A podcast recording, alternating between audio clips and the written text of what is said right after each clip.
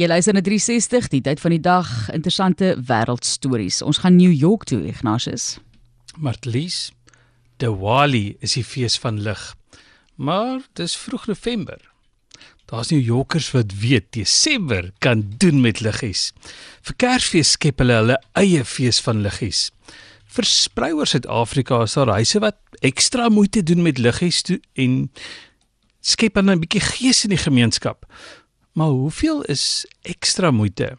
Neem in ag, dis 'n internasionale storie, New York. Daar is krag. Die Guinness Wêreldrekord vir die meeste liggies by 'n residensiële eiendom is 720426. Martlies, is in carefully 720426 liggies verskaf saam met Tim Gray en sy Tim Gray en sy gesin gee hulle nou plesier vir duisende besoekers en maak die bure se gemoed donker.